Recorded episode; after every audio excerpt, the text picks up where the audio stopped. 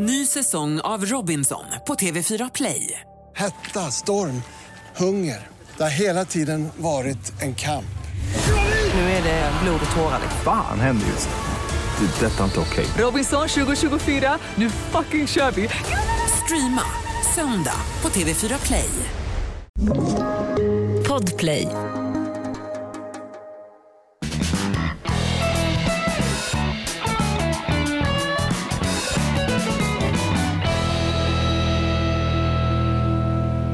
Rullar bandspelaren Oliver Bergman demonproducent, då säger vi bara som vi brukar. Attention, attention, rateros, no pasaran. I studion för Inaktuellt, Hans Wiklund. Ja, det är riktigt. Och eh, Nobelveckan är ju precis avslutad. Vi sänder idag direkt ifrån Stadshuset där Jonas Nilsson och jag avnjutit tolv små vällagade smårätter och så har vi bälgat i oss ett halvdyrt rött vin eh, till allt det här medan vi har taggat adelssköldarna här med våra sprayflaskor. Exakt. Och det är vanligt spray, det är alltså inte pepparspray som polisen använder mot oskyldiga. Ja, vilka var de pepparspray polisen Det var våra grabbar, Djurgården. Nej, det var väl vanliga hyggliga barnfamiljer. Alltså, sånt, där som man, sånt där man kan göra på GKs. Eh, Du sa Operakällaren är väl den som arrangerar maten på Nobelveckan? Va? Ja, det är riktigt. De har en ny kökschef på Operakällaren, han Viktor Westerlind. Ja, precis. Den gamla sparkar de ju ut där. Ja. Han har ju fått öppna eget i Spanien istället. Han hade hållit jordnötterna på Operakällaren, det är inte okej. Kungen hade sagt till honom, hörru du välkommen till jobbet men ändra inte för mycket på menyn alltså. När kungen går in och så stryper en kreatör, en matkonnässör, alltså vår tids gudar. Tänk om de hade gjort det med Mannerström. Då hade han kört på honom med sin stora SUV alltså. Mannerström tjafsar du fan inte med.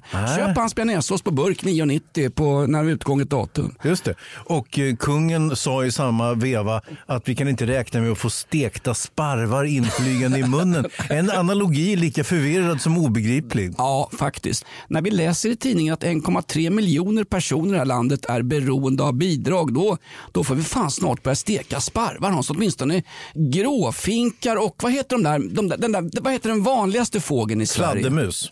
ja, nej, exakt. Fl- Fladdermus.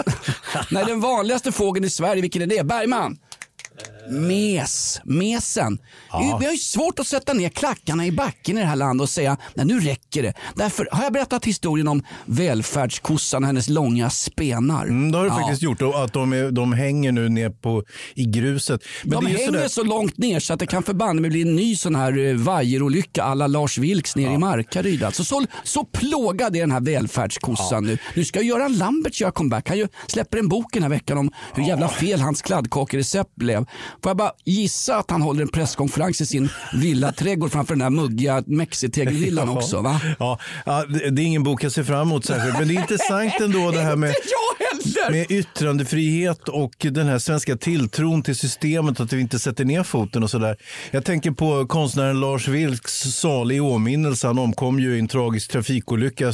En händelse som såg lite grann ut som en tanke eftersom han då levt med ett dödshot över sitt huvud då i, i 14-16 år någonting. Och, Det här ska ju vara en objektiv podd. Den är rykande aktuell därför det heter den aktuell. När du säger trafikolycka, då har du redan satt momentum i vad som har hänt Hans. Jag vägrar ju tro att det inte blir en slags eh, konferens med 200 medlemmar i, om konspirationer om det här och det släpps någon dokumentär om 20 år. Sanningen bakom Vilksgate. Mm, Ja, det här kommer utredas i god ordning, både av Ja. Säkerhetspolisen och eh, Som man gjorde med polisen i Region Syd. ja. Ja, Ja, exakt. Fast den här gången är man nog lite mer nogsam, eh, inte minst vad gäller den tekniska biten och sådär. Så man får väl reda på om bilen har blivit fjärrstyrd eller om, som GW Persson säger, om någon har lossat muttrarna till däcken på den Ja, här alltså- eh, Land Rovern. Eh, När GV satt och lät som någon halvdement, halvvalkad person från Svensk Bilprovning i TV4s morgonsoppa. Soff, morgonsoppa. Soppa. morgonsoppa. Vad sa han med GV? Han hade ju teorier om själva olyckan med Lars Vilks Nej. tragiska frånfälle. Nej, GV anser nog att det, att det så att säga är troligtvis en olyckshändelse. Men det måste ändå utredas så att inte sådana här eh, foliehattar och konspirationsteoretiker som kanske du och jag Podd- sitter och- poddpack. Ja, poddslödret börjar liksom liksom lansera alternativa teorier. Men det, det som är intressant med Lars Vilks det är att han levde i förvissningen om att i Sverige så gäller yttrandefrihet. Man kan rita muhammedanernas förebild eh, som en rondellhund och så vidare. Han trodde på allvar att han skulle kunna komma undan med det och att folk bara skulle bli lite irriterade. När jag säger till mina muslimska vänner, vad tyckte ni om det här att Lars Vilks, eh, för detta folkkär konstnär, eh, gjorde en rondellhund utav profeten? Ett, de visste inte vem Lars Vilks var. Två, de hade aldrig hört talas om någon rondellhund. Tre, de visste inte att han hade förolyckats. Men de sa ändå, varför gjorde han så? Det, måste, det är ju livsfarligt för honom att göra så. Och så är det i det här landet nu för tiden. Det är inte så att det finns någon direkt yttrandefrihet. Det finns risker. Och du ska veta att våld, förföljelse och hot alltid besegrar det eh, som vi tror är de goda krafterna i ett samhälle. Mm, på tal om våld, förföljelse och hot. Vi kan väl skicka en hälsning nu till eh, poddvärldens svar på Jan Emanuel, killen som lyckas kräma pengar ur precis allting. Lindskov eh, inte här idag. Nej. Han han har avgått en fan som Löfven. Nej, nej, nej, nej, nej. Herr Doktor von Lindskov som hans korrekta namn. Det var, och det var väl vid östfronten som han fick det här namnet. Ja, men det är intressant det du säger om att Lars Vilks trodde att nej, men han ville väl påvisa att den totala yttrandefriheten som vi stred för, inte jag kanske, men ett gäng eh, Ja, franska bönder redan under slutet på 1700-talet. Sen Mm. kom ju Napoleon, den gamla baggbölaren och eh, fransmännens svar på Karl den XII eh, och stoppade allt det där utmåla sig själv som kejsare och så förstörde han då de demokratiska fröna som hade såtts vid eh, Bastiljen och i, i Montmartre. Och nej, nu, tänk, nu tänk, sitter jag och tänker på transpersoner i Bois de Boulogne. Satan vad sugen jag blev. Hjälp, hjälp mig av med bhn för fan här alltså Bergman. Jag tappar, jag tappar trosorna här också. Ah! Det där var dina papper. Har du papperstrosor Det på? är Jonas? papperstrosor vet du, med chokladsmak Hans. Eller det var inte chokladsmak när jag köpte den. Det har blivit det efter ett par veckor med de här på mig. Nej, Får men jag bara alltså- säga, han vill ju testa, han vill ju påvisa Jo, jo, jo, om att det här är. Ja. Och när alla säger att han var en dålig konstnär så blir det sådär märkligt. Björn Wiman i DN, vi pratade om förra veckan, Mm. han har sagt att han är den mest namnkunniga konstnär som Sverige har fått fram på ja, under hela 2000-talet, Lars Vilks. Alltså, konstprof, en professur vid Lunds universitet. Det är liksom inte någon klotterpelle som har gjort det här. Nej, det är det faktiskt inte. Men Och- han fick ju väldigt dåligt rykte alltså, i och med det här. Så man tyckte att Därför det att här folk är skitskraja. Ja, Folk jag är skitskraja för att få en brödkniv i ansiktet har en- ens umgås med. Jag förstår inte att Stina Dabrowski eh, sitter i sin villa i eh, Åkersberga eller vad det var och skulle bjuda hem honom på middag. Att Mm. hon bara vågar. Va? Han blev ju tystad. Islamisterna, salafisterna vinner ju här. Ja. När hans gamla verk, den här rondellhundsteckningen Mm. som ingen Inget media i Sverige vågar publicera förutom, vad hette Anders Övergårds, han sparkade snickarens gamla arbetsplats. Uh, arga konstkritiken. TV4 var de enda som visade teckningen som har orsakat sånt här rabalder. Jaha. Och så ska man då lämna den här teckningen i original till eh, Moderna Museet. Där har de en dansk pansarluggad tant som går runt i fotriktiga skor och tycker att konstens fria värde det är det enda vi har att försvara. Så sa hon ändå när hon tillträdde 2006. Men nu, nu vill hon inte ha Lars Vilks rondellhundar. Och varför frågar då pålästa journalister? Jo, därför att det är undermålig konst och det är Ah. bara en provokation mot en viss religiös tillhörighet. Snälla Gitte Öskog, chef på Moderna Museet, eller Öskog som det heter. Du är rädd. Du är rädd för att ha de teckningarna i dina samlingar för att veta att då kan det bli en rondell av salafister med knivar runt ditt moderna museum. Och då infaller nästa mycket, mycket viktiga fråga. Är då konsten fri? Och var är konstdebattörerna nu? Den enda jag hört i veckan det är Jan Guillou som till och med han, när Jan Guillou gör avbön, eh, denna lagens långa arm med lagens kortaste ärmar, när han gör avbön och säger att vi måste försvara Lars Vilks rätt att utföra konst, då har det gått förbanne med långt faktiskt. När Jan Guillou Ja, den byter- såg man inte komma. Den såg jag fan inte komma! Det, Han är ändå en, en känd islamistkramare. Ja, exakt. Ja, men han, han, han vaknar ju varje morgon. Hur ska jag kunna hata Israel just nu? Har vi någonting på dem? Får, jag bara, får jag bara säga att det är märkligt också att den fria konstvärlden inte står upp för vad Lars Vilks försökte göra. Och nu, nu är det dödstyst överallt. Hon är rädd. Det är ett, ett sensationellt steg. Att det inte blir en kulturdebatt av det här när vi har debatter om hur många elskotrar det ligger på gatorna i Västerås. Jo, eller jo, jo. möjligen, ska vi inte börja registrera katter? Det var ju någon galning på Länsstyrelsen som har lämnat in via någon lobbyist till riksdagen ett förslag. Nu ska vi registrera Sveriges katter. Varför då? Har vi inte annat att ägna våra resurser åt? Eh, Det menar är- du rondellkatter då, eller vanliga? Fantastiskt bra. Rondellkatten, när Vilks själv får välja. Nej, men, det, men grejen är så ja, här- men, ja, men det är väl också så här att det är ju tydligen så då att vi har inte, vi har inte yttrandefrihet på det sättet och de som lever i någon form av svensk villfarelse att man får säga och göra vad man vill i det här landet. Det stämmer tyvärr inte. Det kanske aldrig har stämt, men det stämmer i synnerhet inte numera. Utan man måste vara väldigt försiktig vad man säger om man gör. Om man inte blir cancellerad så blir man ju skjuten eller exploderar i en bil på E E4. Exakt. Vi ska inte ha några politiska värderingar när det gäller svensk film, för det är den starkaste konstformen vad det gäller internationell export i det här landet. Men det har vi ju. Du får inte göra en film om det inte är om genus, någon som kommer från orten eller möjligen att du hoppar på någon som är vit heteronormativ och gör filmen En man som heter Ove efter en fantastisk eh, romanförlag av Backman. Han är ju gift med en av våra gamla kompisar på radio. Fredrik Backman, Ja, vem är han gift med? Någon annan? han är gift med en eh, tjej Fru som... Backman? Ja, han är gift med en tjej som har jobbat på vår ekonomiavdelning på radiostationen Rockklassiker. Hon som han fly ut, ut genom grindarna när du och jag skulle, eh, Ja, när de stängde här ja. vi skulle exemplifiera metoo på sista firmafesten. Hon hann ju fly hem. Just det. Ja, på, Inse- en, på en elskoter. Ja, Elskoter är, motverkar ju våldtäktsratingen i det här landet. Fram med fler elskotrar. Ja, jag vet inte. Det används ju som ett brottsredskap i, i många av förorterna. Va? Så ja, I samband med skjutningar så hör man ju ofta att gärningspersonerna flyr på elskoter och sådär.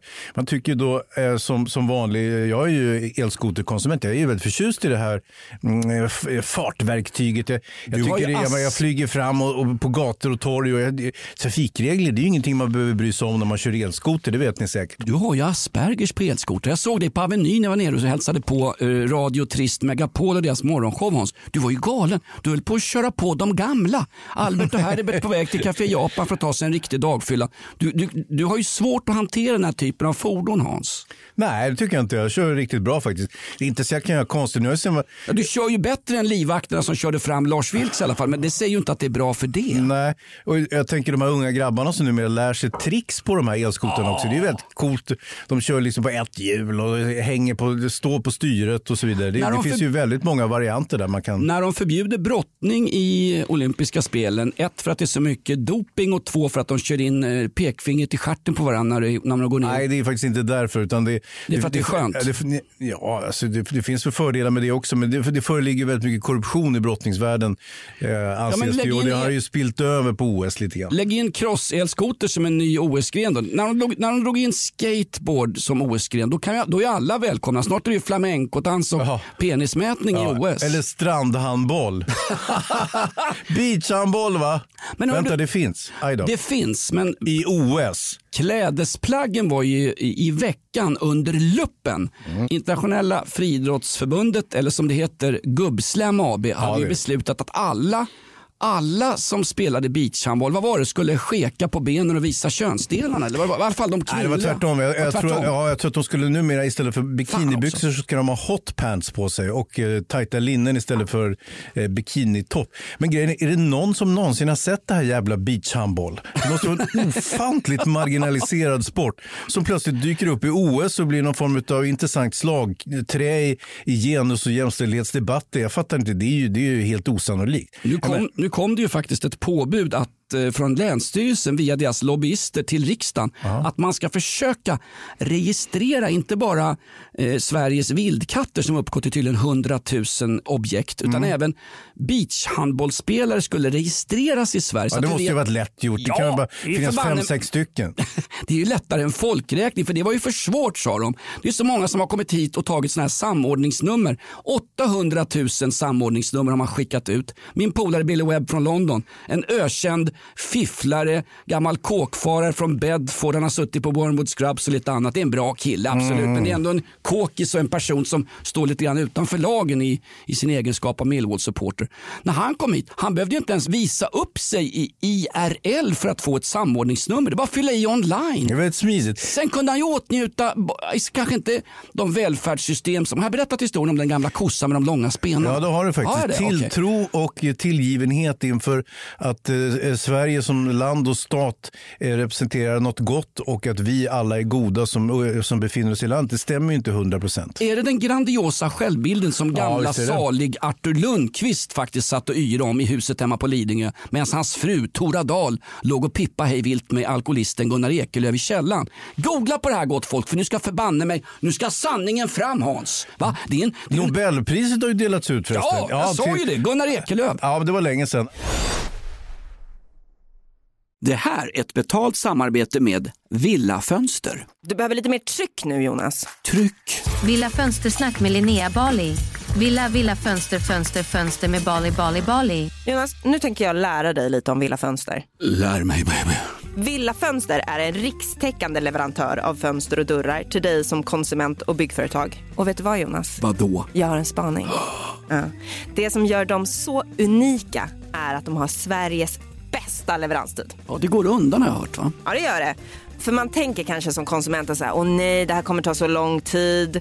Men inom tre veckor alltså så har du ett svenskt nyproducerat fönster som är redo för omgående avhämtning eller leverans. Oj, oj, oj, inom tre veckor.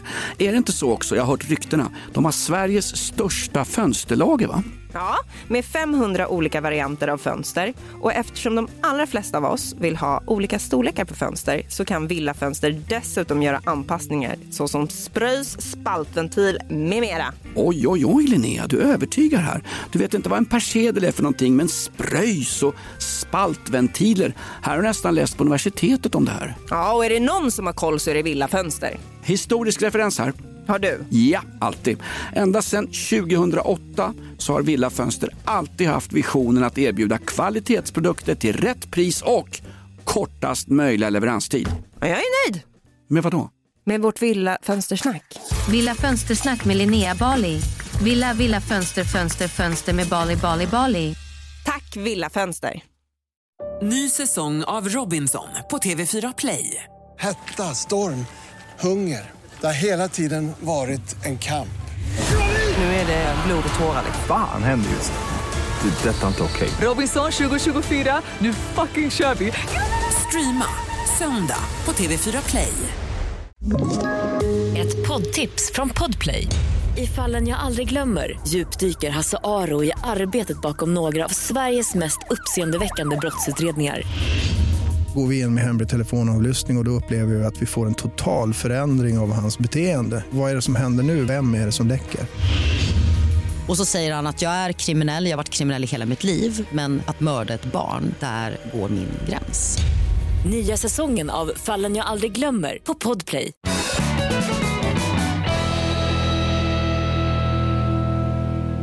Abdulrazak Gurna fick det nu. Han fick 2021 års Nobelpris i litteratur. Vilka Och, jävla eh, fascister. Astrid Lindgren ska ju ha det varje år.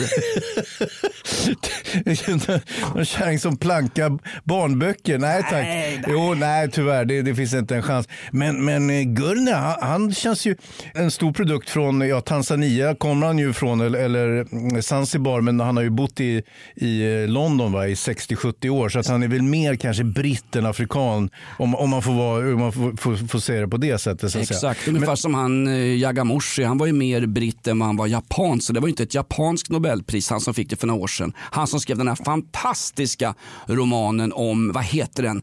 Eh, Anthony Hopkins spelade huvudrollen. En man som heter Ove.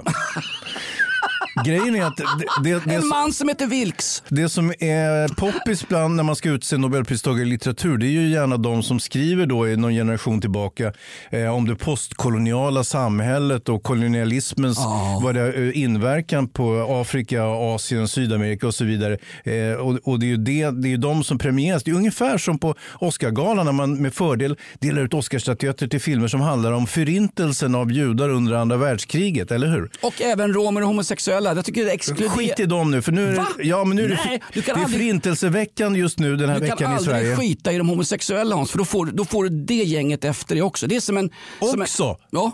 Vilka är det mer som är efter mig? Judarna? Nej, salafisterna som har- åker i en rondell runt dig och kallar dig hund. Det var ju en salafist som, som visade en bild dagen efter eh, Lars Vilks mycket tragiska frånfälle. Då visade en salafist på Twitter, en mycket, mycket känd svensk person, visade upp en bild på ett dött vildsvin som låg på landsvägen. Ja, här är eran fantastiska svenska konstnär. Vad säger ni nu då? Är det här yttrandefrihet? Då svarade någon, ja, det, där, det är exakt det där som är yttrandefrihet. Och vet du vad? Det är ingen som efter att du har publicerat den där fullständigt osmakliga och vedervärdiga bilden. Det är ingen som hotar dig, lägger en fatwa på dig från Teheran och säger att du ska dö för att ha gjort så här mot någonting som vi tycker om. Där går skillnaden. Fattar du det nu? Ja, Eller fast det måste, du- vara, det måste ju vara jaktbrotten då. Va? Vildsvinet. Vildsvinet? Jag tyckte du sa att det var ett vildsvin de hade Ja. tagit en bild på. Det var, det var ju Göran Persson i en kamelhårskostym. Och en gammal semesterbild från Göran. Strunt samma. Nu är det i alla fall förintelseveckan i Sverige den här veckan eh, när man uppmärksammar då förintelsen och ska informera om detta och så vidare. Det tycker jag är hedervärt. Det är ju på ett svenskt initiativ egentligen. Det var ju eh, salig Göran Persson eh, som drog igång den cirkusen. Och så får vi olika potentater från hela världen som kommer hit och deltar i seminarier och så vidare. Och Det tycker jag är ganska bra. Problemet Sverige- är, och sen har man ju satt upp en del punkter då för eh, vad som ska anses vara antisemitiskt. Visar sig dock att huvuddelen av de punkterna, eh, då är man antisemit om man kritiserar staten Israel. Och det var väl inte riktigt det som var tanken kan jag tänka mig. Så man hamnar ju lite snett där också. Det går ju en fin linje, ungefär så fin som linjen var av kokain in i Johannes Brosts näsborrar. Det går ju en fin linje mellan att kritisera staten Israel och att kritisera israeler. Det där blandar vi ihop i någon slags eh, vällinggröt bland elskotrar. Vad är och- hönan och ägget? Ägget har det här Hans. Åh jäklar! Oj, oj. Det var inte dåligt Jonas. Nej, nej, oh, oh.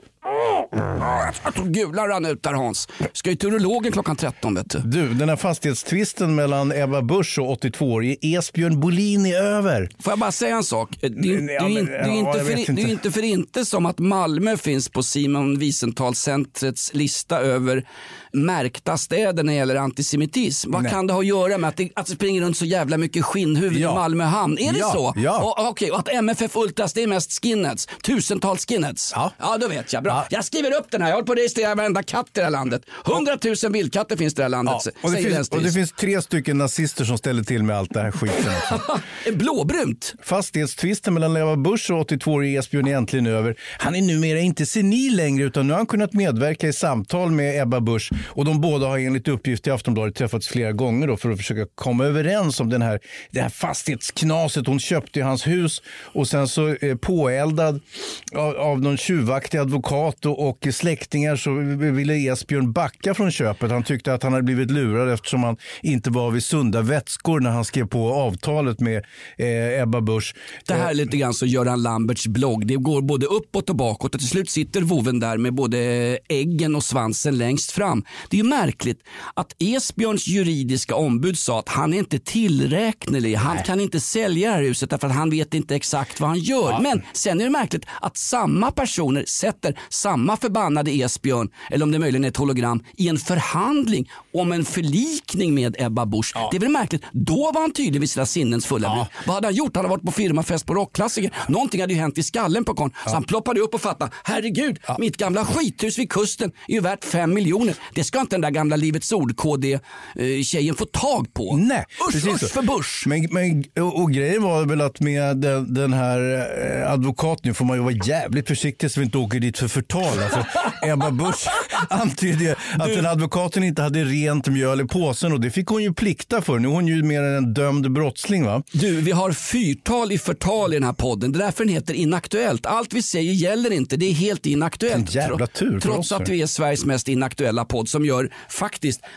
åttor runt malliga Dagens Nyheters podd. Ja, ja, ja, Dagens Nyheters podd. Får jag bara säga en sak? Dagens. Nyheters podd är ju inte oberoende liberal därför att tidningen inte är det heller längre. Wolodarski, chefredaktörens utfall mot fotbollsfans förra veckan. Det var det värsta jag varit med om sen Tilde de Paula började prata om eh, bränsleförsörjningen i det här landet. Mm. Alltså bli vid din läst för fan. Jag ska inte sitta här och, prata om saker jag inte har en aning om. Vänta nu, det gör det ju för tusan. Åka hade här? inte- Nej, men det- Berg, vad fan är Bergman? Eh, Ebba, Vad fan är Bergman? I den här förlikningen då mellan Esbjörn och Ebba Busch Thor, då fick hon ju pynta upp säkert ett par hundra lax till till Esbjörn. Om han nu fortfarande hittar till huset som han ägde eh, så får han också vara där lite grann enligt det här avtalet som någon sorts extra farfar. Eh, han får tydligen, jag läser finstilt det här och det här är ju inte officiella handlingar. Eh, Esbjörn får tydligen disponera utedasset eh, som han inte tömt sedan 1965. Det är själva huvudbyggnaden på gården alltså. Just det, gubben och hans pensionerade eller säger, jag, pengaintresserade släktingar de tänkte väl så här. Den där lilla nazistbruden hon har allt att förlora eh, så vi städslar en skurkaktig advokat och så sätter vi dit kärringen. Hon har för mycket att förlora, hon kommer inte våga krångla. Det visade sig att de hade helt fel. Ebba Busch är en krångelfia utan like, en hård jävel som satte hårt mot hårt och sket i att hennes politiska karriär höll på att åka ner i toaletten. Man jävlas inte med henne. Push, push in the bush som de säger på KDs eh, partikansli. Får jag bara säga, förlikningspengarna. Jag tror på riktigt att polkagriskungen i Gränna, killen som var svensk mästare hyra porrfilm på gamla Scandic Hotel, det var ju omtalat. Gamla salige Alf Svensson som Ja. fortfarande är aktiv. Hon hänvisar till honom ibland. Ja. Farbror Alf som hon kallar Jag honom. tror att han har slantat upp de här pengarna för att Ebba Busch som du hyllar här som någon slags eh, Scheherazade i Tusen och en natt. Hon höll på att köra hela kristdemokratiska partiet i putten även utan en partiledardebatt där hon stod och hackade sig fram bredvid, vad heter hon? Eh, Nyamko Sabuni. heter hon? Ja, det är hon på Liberalpartiet. Jag tänkte hon Magdalena Andersson. Men va? hon var inte som har med och- skaffat en grekisk miniräknare. Var inte hon med? Jag har sett skiten i onödan. Det är ju Magdalena som ska rädda det här landet. Ja, nu. men men hon fick inte vara med på utan det där skötte eh, Nej. Svets-Steffe eh, skötte själva debatterandet. Gjorde han? Partiledardebatten, vad kul det blev det där med blåbrun när han miljökommunisten säger till eh, jävligt äck- SD att ni är ju blåbruna och han var så sned, du vet, kallar mig för nazist ropade han flera gånger och, och Bolund, men han, han stod på sig Bolund, han, han var ju bra där för att han, han började inte svaja på målet trots att Jimmy var så aggressiv. Men vad som borde ha hänt här egentligen, det är ju att här kunde Liberalerna ha klivit in och räddat 4 spärren och Nyamko Sabuni kunde ha kommit in på arenan igen. Hon har ju suttit på avbytarbänken alltså, i två år sedan hon tillträdde. Om hon hade klivit in mitt i det här tjafset när eh, miljöpartisten står och ropar blåbrun och säger så här, vad är jag då? Är jag blå eller brun? Förstår du? Då jävlar, då hade han börjat stamma Per Bolund. Tror du inte det? Alltså det här, det är sånt svängrum nu Hans, att det är ett större svängrum här än i bhn på Nooshi Dadgostar som jag tycker har tappat lite. Faktiskt. Ja, hon har sett lite sliten nu, men jag tror Men vad fan är hon gravid igen? Jag tror att det är det. Hon är ganska svullen nu. Men det är ju Får roligt, för det kanske sak? blir tillökning lagom till valet. Ja, då. de ska ju börja, Länsstyrelsen har ju lobbat in att de ska börja registrera antalet, inte bara vildkatter i form av Nooshi Dadgostar, utan riktiga vildkatter. Det sägs att det finns 100 000 vildkatter i det här landet. Och då undrar jag bara så här, vem fan räknar vildkatter? Är det någon som går ut och ser, där är en katt. Hur vet man att den katten är vild eller att den tillhör någon gammal senildement kärring med proppfyllda vuxenblöjor som ger en... Eh, Eller Esbjörns katter ute på gården där. De får ju Ebba ta över också. han har ju 100 000 bara runt sitt uthus. Alltså, så kallade rondellkatter. De springer runt och runt den här bajamajan som man skulle ha 4 miljoner för. Men vad säger du, var inte Magdalena Andersson med på partiledardebatten? Jag stod ju och recenserade hennes insats i radion dagen efter. Ja, jag vet. Du gjorde ju det. Men det, det är ju All- ett känt mönster att du inte ser det du pratar om. All min trovärdighet försvann ju nu. Det här är Men som- du hade ingen trovärdighet Jonas. Det är inga problem. Är Ja, men alltså, vet du vad? Tricket med att ha trovärdighet är att påstå att man har någon slags trovärdighet. Nu återkommer vi till Jan Guillou. Jan Guillous trovärdighet när det gäller konstdebatter den är ju lika med ungefär minus tre. Den är ungefär lika viktig och ärlig som Östersunds eh, medverkan i fotbollsallsvenskan och sånt där. När han ingår i en konstdebatt helt utan trovärdighet, bara genom att säga att han har koll på grejerna, då är det, då är det trovärdigt Hans. Det, är ju, det är ju metafysik. Det har ju gått två varv runt här. Det är ju inte som du på en elskoter på... Där kom den. hörru. Oh. Oh. Smakar chicken vindaloo. Jag var på indiska restaurangen igår och råkade kräkas på tallriken. Då kommer hovmästaren fram. Det är vår specialrätt. Ja. 60 spänn extra för den. Och bara fila lite parmesan över. På, från hälarna. Det var inget vidare. Men hade, alltså, eh, hade det inte varit bra om Nyamko Sabuni hade satt ner foten där, avkrävt Per Bolund på brun eller blå-frågan och sen utrett den en gång för alla? För det är någon form av nedsättande term som, som vänstern när, de ger sig på nazi, eh, förlåt, högersidan, eller hur? Ja, exakt. Är jag nazist Jonas? Nej, men, Är jag, kallar du mig nazist? nej, men jag Är tänkte... jag blåbrun? Jag tänker- Titta här, jag är brun i kalsongerna.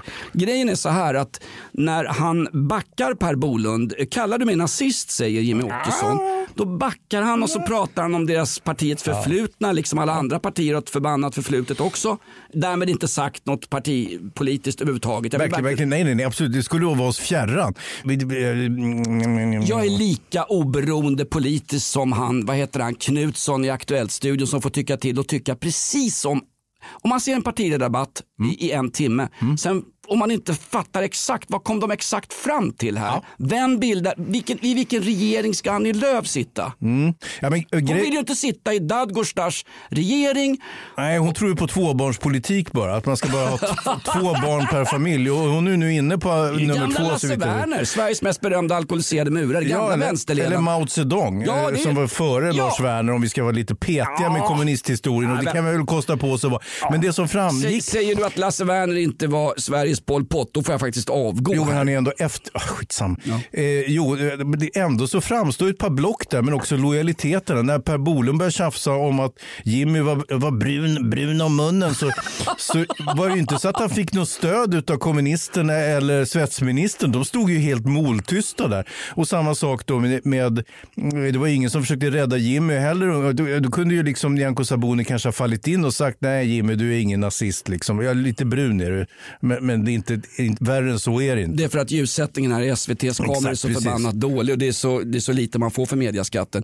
Det är ju märkligt också att eh, när han, Per Bolund blir plågad, eh, han står ju och hotar om att höja dieselpriset ännu mer. Men, nej, men får ge dig det, men det här är vanligt, vanligt hyggligt folk har ingenting med, den här, med det här eh, blåbruna tjafset att göra. Då backar han ju, för senare i debatten så kallar han ju faktiskt inte dem för blåbruna. Då säger han det högerkonservativa blocket. Så under pågående debatt lyckas ju faktiskt den här uppstoppade Pinocchio-dockan Per Bolund att ändra, alltså ändra Ja, terminologin där lite grann. Ändra terminologi lite grann. Han byter ju helt stift. Hela, Ja. hans, hela hans angreppspolitik mot en blå...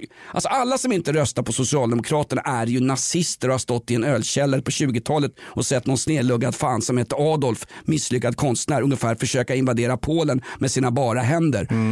Men Per Bolund backar ju från det statement. Då faller ju ungefär hans Hans, man, man känner ju vad, vad, vad vindriktningen går inför valåret 2022 Hans. Det innebär, jag kommer ju för fan rösta på soffligan i år igen. Men angreppet blir ju att är du emot en vänsterregering så är du nazist. Ja, och det, Eller hur? och det är väl riktigt. Och, och då, utgör, då är vi ju nästan, vad är det då, 48 procent nazister i Sverige. Och, det, och då kan jag ju förstå att den här vi ta- an, antisemitismen är så utbredd om det ligger till på det sättet. Det är, ju- det är ju fullt begripligt. Och då tycker jag vi kanske ska expandera den här förintelseveckan till en förintelsehalvår istället för att få liksom, Eller- eh, åskådliggöra problematiken ordentligt. Här får du ett förintelsehalvår. Nej, snarare en förintelsehalvmåne. Där har du politisk satir. Va? Du ser inte ens när det kommer träffande som en dildo i pannan på dig Hans. Riktig politisk satir, mitt i Inaktuellt. Sveriges mest inaktuella, fast aktuella podd. Det är ju roligt också, kan vi inte ha en räkning? De ska ju räkna katter nu, det är en stor grej. Just just just. Har jag nämnt det?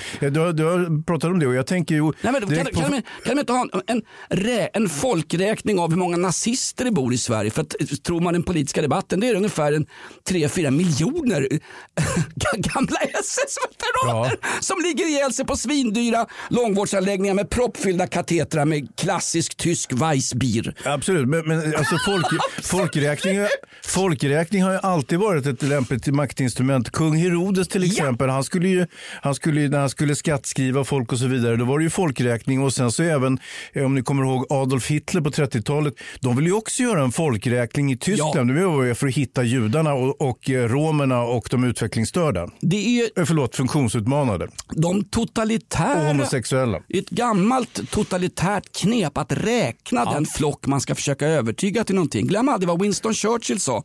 Din gamla polare från Hotel Dorchester i London där du har huserat Hans. Jag vet att du har bott på Dorchester, din förbannade klassförrädare. Hur fan kan någon som är från Bagarmossen, en bra kille, bo på Hotel Dorchester? Du ska väl bo på Enfield? För att jag kan. är det på samma sätt som att varför slickar hundar sig där bak? För att de kan.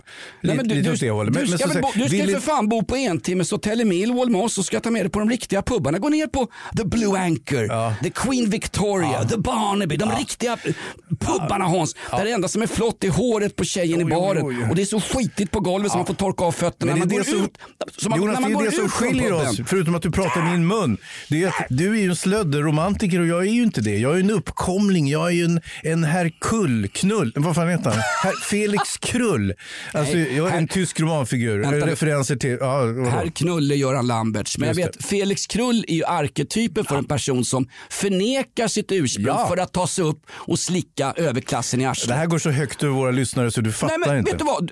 Eller låg, lågt under jag. Ursäkta mig.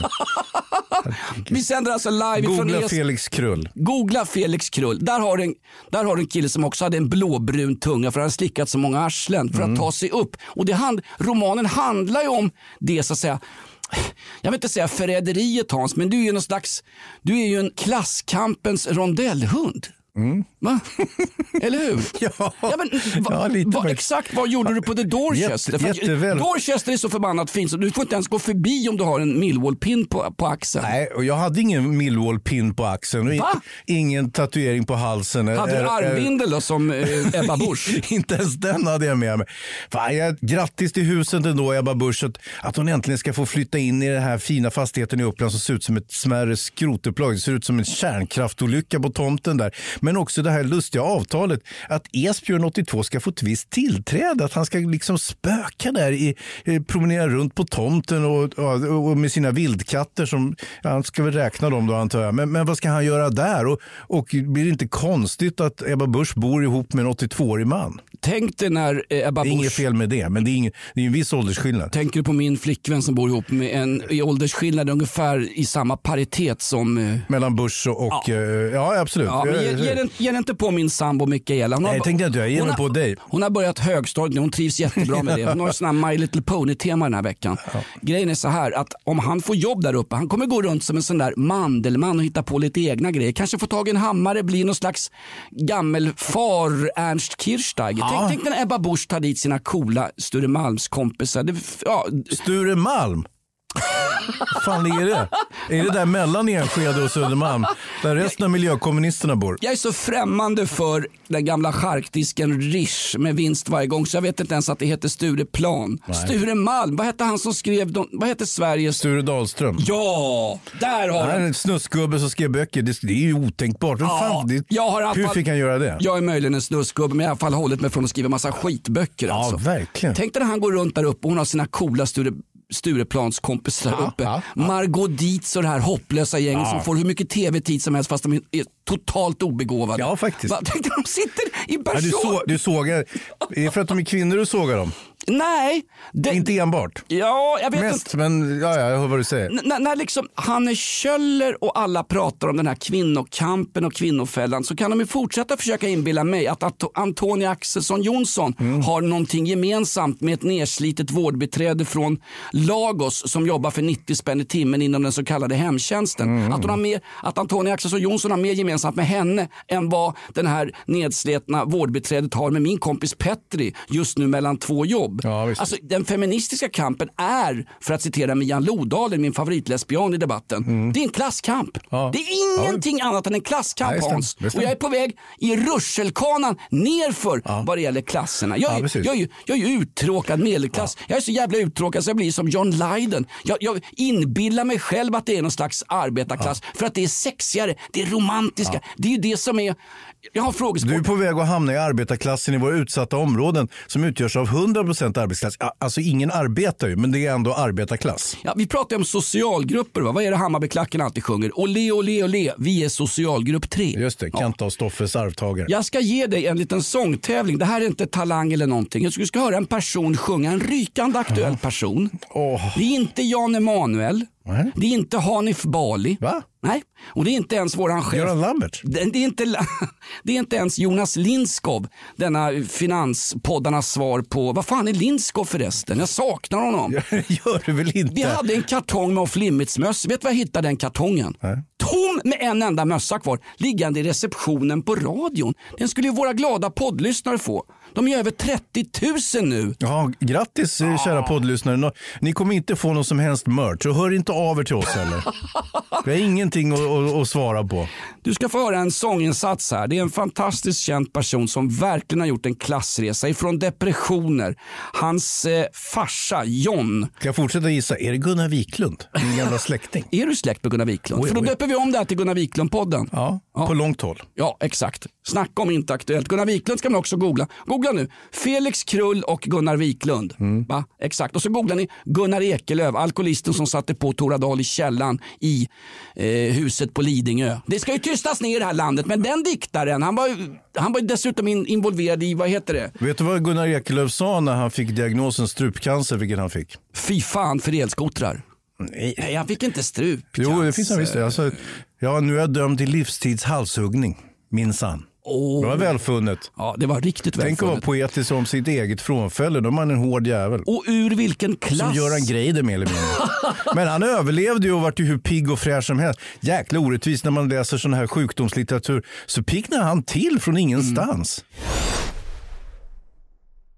Mm. Ett poddtips från Podplay.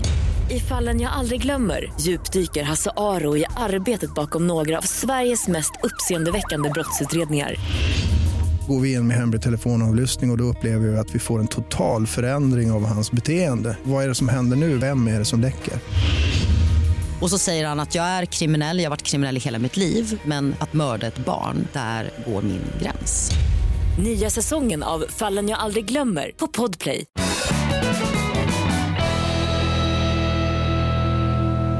Eh, Göran Greider, alltså Dalademokratens svar på Gustaf Fröding, halvvägs in på snurret och sen räddas han i sista sekund ja. av gånggången.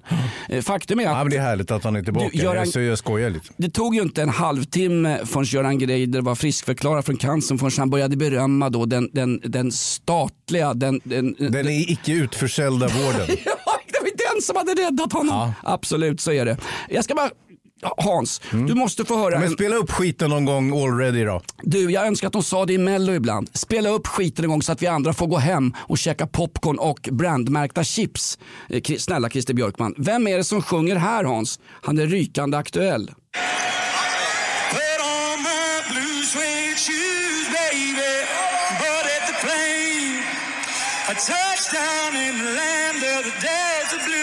Är inte en kvinna. Hör nu, ledtråd.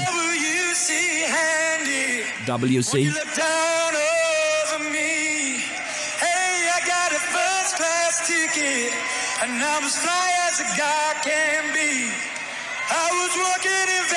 Walking in Vegas, T-Mobile Center. Deontay Wilder. Vi snackar Tyson Fury. Ja. The Gypsy King, den fightande romen som verkligen har gjort en stor... Sjunger han själv? Han sjunger alltid själv och så sjunger han American Pie eller Walking in Memphis. Ja. Mark Coons eh, gamla stora hit som vi spelar kanske bara 70 gånger om dagen på rockklassiker. Mm. Han sjunger ju alltid den här låten efteråt och eh, såg du matchen? Gypsy King vann på knock i, i helgen här. En av de absolut, det här ska inte bli någon slags boxningspodd därför att Jävla Paul, arbetarsport. Paolo Roberto Fick du? Därför att Paolo Roberto har annat att göra. Han går ju i enrondsmatcher på Grevgatan numera. Faktum är att Tyson Fury, matchen mot Deontay Wilder från, från Las Vegas, är ju fantastisk. Den går i stipulerade, ja det ska gå i 12 ronder. Mm. I tredje respektive fjärde ronden blir bägge två nere för räkning. Ja. Och Tyson Fury är så jävla långt borta så han sitter och glor han sitter och glor in i neutral ringhörna. Då säger den brittiska kommentatorn satt och fulstreamade hem hela skiten. Mm. Herregud, nu är det kört för Tyson. Han, han vädjar om hjälp från neutral ringhörna. alltså, och, och sidosatt hans märkliga kommentarer om gamla testamentet, homosexualitet, om kvinnans roll i samhället, bla bla bla. Ja, han är måste, Rom helt enkelt. Ja, man måste ju beundra killen. Han har varit inne i en djup depression, i ett långvarigt matmissbruk, värre än Edvard Bloms. Oj. Och kommit tillbaka och tar den här, det här monsterdjuret Deontay Wilder ja. som är från, är det inte från Fem år obesegrad tungviktsvärldsmästare innan de här ukrainska högerbröderna dök upp. Bröderna Klitschko. Klitschko. Ja, Mm. exakt. Alltså, den bästa match jag sett och i elfte ronden åker han på en sån här jävla pålkranslägga rakt på nosen ifrån Manchester. Denna romska traveler från Lancashire. Vilken otrolig person. Och nu får han alltså möta vem? Eh, jag vet inte. Alltså, här, här får vi skilja i boxningsvärlden. Du gillar inte boxning Hans. Du tycker att det är en gammaldags sport som uppfanns av brittiska kolonialtrupper därför att de hade inget att göra förutom att använda, Ja, använda boxning. indier som uh, slagpåsar upphängda på pratar om verandor. Abdulrazak Gurna nu. Nej, det var ju Zanzibar. Ja, Nu- men han var ju, från, han var ju i Indien. Ja, men nu Alla det afrikaner väl- som kommer någonstans ifrån Indien, det vet du väl, det är sen gammalt. Ja, inte Nelson Mandela, han kom hela vägen till Robben Island. Va? Eh, Robben Island som vars cellen där är faktiskt större än kåken som Esbjörn har lurat på Ebba Busch. Har jag berättat att jag har varit i, i Nelson Mandelas cell? Du måste berätta det för det är en fantastisk historia. Vi släpper Tyson Fury och hoppas... Mm, Fick ju ett ganska långt referat ändå utav matchen. Ja, men alltså, jag, jag, går ju, jag går ju igång på vissa saker. Har Också. jag berättat när jag var på Robben Island och gick in i Nelson Mandelas cell? Där han satt för vår skull, människorasen, i 35 år och försmäktade på vatten och bröd utan snus. Det är södra Afrikas svar på Lars Vilks. Han sa vad han ville om regimen, men regimen gillade inte honom så de låste in honom förbanne mig utan en domstolsförhandling ens. Där har du din klassresenär Hans. De största kommer sprungna ur en urinoar på Sydafrikas landsbygd. Sen är ANC en satans korrupt organisation, men det kan vi alltid skylla på, på Trump. Ja, det kan man göra. Ja, absolut. Men hur som helst, jag kommer, ut, jag kommer ut till Robben Island och eh, det är eh, naturskönt på ett sätt. Det är ganska karg ö. Eh, Den ligger ju runt sydvästspetsen där. Vad gjorde du i Sydafrika? Jag skulle besöka Robben Island där Nelson Mandela satt för våra synder i 35 år och försmäktade på vatten, bröd, mussoppa och, och det ena med det andra. Hur som helst, vi kommer in där. Guiden, guiderna var för övrigt för detta fångar, interner faktiskt, som hade blivit kvar på ön och Det nu var- jobbade som guide. Åtminstone sa Det de det. Det kan de ha varit exakt. skådespelare Ja. från Staffliteatern som vi har sponsrat med svenska bidragspengar eh, där de spelar sketcher i kåkstäderna. Det är möjligt, det är skitsamma. Det var ändå väldigt trovärdigt. Och sen så visar de Nelson Mandelas eh, cell och alla rusar in i den här cellen och tar en selfie och håller på. Det är ju trångt som fan. Han satt ju ganska litet ska du veta. Eh, jag ser ju smart som jag är, lite vassare än de vanliga turisterna, att eh, cellen bredvid, där är alldeles tomt. Och den cellen är ju identisk med Nelson Mandelas cell. cell. Så jag går in och klämmer av en jäkla massa selfies alldeles själv inne i Nelson Mandelas granncell. Säger att det är Nelson Mandelas cell och hej presto, jag har liksom guldmaterial. Och det viktiga nu är att ingen får reda på att det är fel, fel eh, Nelson Mandela-cell. Exakt. Exakt. Nej, det är så stort Hans. tack ska du ha. Alltså, det är så här, det är så här bagarmossen genialiskt. Ja, men-? You know what we got in America? We got guts, God and American ingenuity. Uppfinningsrikedom. Du står där eh, ungefär som att eh, du stod på Golgata och skulle just eh, olla. eh, Har jag berättat att jag har varit på Golgata? gick faktiskt exakt samma sträckning som Jesus Kristus som under den här promenaden på Golgata hade hela mänsklighetens lidande på sina axlar och i den här vassa törnekronan som skavde hans huvud. Här måste jag rätta dig, eh, inte rent sakfelsmässigt som Göran Lamberts gjorde i den stora Thomas Quick-rättegången, men däremot som en Arthur Lundqvist. Det var inte Golgata han gick upp för. Han gick upp för Via Dolorosa, som var den här vägen där den romerska soldaten kommer fram och sticker ett spjut i sidan på Just det, honom. han som är döpt efter min son Elis. Nej. Jo, Elias hette han. Jo, jag döpte min son efter han som högg ett spjut men sidan din- på Jesus. Din son är väl döpt... Jag kommer inte få vara med på den där förintelsekonferensen nere i Malmö. Din son är väl döpt efter Elis i Taserud som är en värmländsk bondkomiker. Googla Elis i Taserud, Felix Krull och vem var det mer? Ja, det var på dem. Nej, vet du vem Elis, vet vem Elis är döpt efter? Min son. Ja, det är en brottare va? Nej, han är döpt efter en legendarisk skidåkare som hette faktiskt just Elis Wiklund. Kom från eh, Sollefteå eller Skellefteå. Eh, deltog i Berlinolympiaden 1936. På den tiden var både OS, eh, sommar-OS och vinter-OS samma år. Utklädd till Jesse Owens. Den galne längdhopparen som till och med hånade Hitler och hällde ut hans blaskiga Weissbier. Jag, jag, jag tror inte Elis Wiklund, skidåkaren, kände till Jesse Owens. Det var en skogshuggare som sket i allt sånt där. Han bara åkte skidor. Han åkte ner, mosade sönder nassarna så de flög åt helvete i skidbanan och vann OS-guld på deras hemmaplan. Alltså, han förödmjukade dem lika mycket som eh, Jesse Owens sen skulle komma att göra eh, på sommarolympiaden. Där fick de och det tyckte jag var ett bra, stolt namn för en svensk att heta. Mm -mm. Tillbaka nu i Inaktuellt, den här podden som eh, aldrig någonsin har hetat Off Limits. Vi är alltså tillbaka nu till Berlin-olympiaden 1936. Jag vill bara poängtera att vi började prata om den totala yttrandefriheten i form av Lars Vilks rondellhundar. Ja. Vi har gått som en rondell runt oss själva. Precis. Och sen när vi började med den där katträkningen så var det ju rondellkatter också. Ja, exakt. Men eh, jag, jag tycker ändå det är lite tråkigt att... Jag tycker vi har tagit upp de stora Aha. samhällsproblemen faktiskt. Ska vi ha elskotrar på våra gator eller ska vi ha en katträkning som Länsstyrelsen vill ha? Vi kan ju inte ens räkna antalet EU-migranter eller antalet nazister i våra, i våra partiorgan. Alltså. Fast, uppskattningsvis så utgörs då halva Sveriges befolkning av nazister. ja, ja, ja. Uh, så att, ja, do the maths. Do the maths. Uh, du har lyssnat på ett avsnitt, ett populärt avsnitt av eh, podden eh, Inaktuellt. Mm. Och Hans, du hade en liten överraskning eh, i slutet här. Du ska spela upp något riktigt svensktoppsaktigt, va? eller hur? Ja, det är riktigt.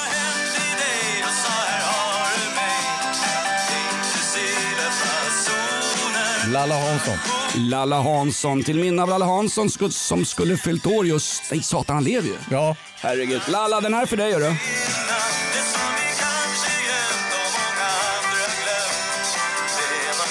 Tack på riktigt för att du står ut med oss. Vi finns varje vecka, men planen är väl att vi ska komma ut flera gånger i veckan. Hans, orkar du sitta här och eh, prata om klassförräderi som en annan Alexander Solzhenitsyn en gång till i veckan? Jag går gärna hit två gånger. Jag tycker att det här är det roligaste jag gör i mitt torftiga skitliv. Ja, men jag faktiskt. hoppas, jag bryr mig inte så mycket om vad du tycker Jonas. Däremot så hoppas jag att de som lyssnar på det här rappakaljen ändå tycker att det finns ah. någonting intressant i det här och det vill kört. höra ett avsnitt till. Nej, de vill inte. Nej, då är det kört. Ha, okay. Vi kan inte blanda nej, det blir, in. Nej, det blir bara ett avsnitt. Det här är som fri Flygteatern i Högla, Högdalen. Blanda... Flygteatern i, i, nere i, i, i, i Rhodesia.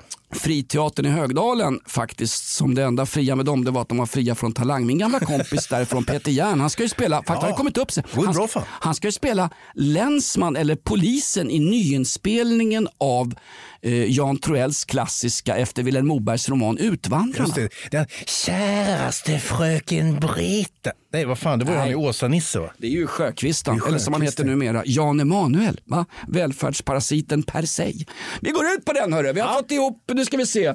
12 personer som kan ta oss för förtal, Bergman. Oj då. Ja, ja. Har, inte ens, har vi nämnt att, eh, han, att Ingmar Bergmans grabb jobbar här? Ja, det, har väl, det är hans, det är ju du. Det är jag. Ja, erkänn! Din jävel. Från eh, Ingmar Bergman-filmen Gycklarnas afton. Du har hört ett avsnitt av Inaktuellt, det vill säga Hycklarnas afton. Tack för att du står ut med oss, Jonas Nilsson, Hans Wiklund. Hör oss i en tillrättalagd, politiskt korrekt morgonshow varje morgon på FM-bandet. Vad heter showen vi gör på radion, Hans? Den heter Rockklassiker, men vill du lyssna på eh, Inaktuellt, då går ni in på podplay.se eller eh, podplay-appen i er telefon och då hör ni den här showen en dag tidigare än alla andra men det vet ni ju redan eftersom ni lyssnar nu. Men herregud, vad säger du heter våran show Morgonrock? Vem var det som gjorde upp till 13? Var det Bosse Hansson? Nej, det var den andra. Vem? Artur Ringert. eller om det var Ulf Schenkmanis. Två förtal till, då bryter vi här. Ett poddtips från Podplay. I fallen jag aldrig glömmer djupdyker Hasse Aro i arbetet bakom några av Sveriges mest uppseendeväckande brottsutredningar. Går vi in med hemlig telefonavlyssning och, och då upplever vi att vi får en total förändring av hans beteende. Vad är det som händer nu? Vem är det som läcker? Och så säger han att jag är kriminell, jag har varit kriminell i hela mitt liv men att mörda ett barn, där går min gräns. Nya säsongen av Fallen jag aldrig glömmer på Podplay.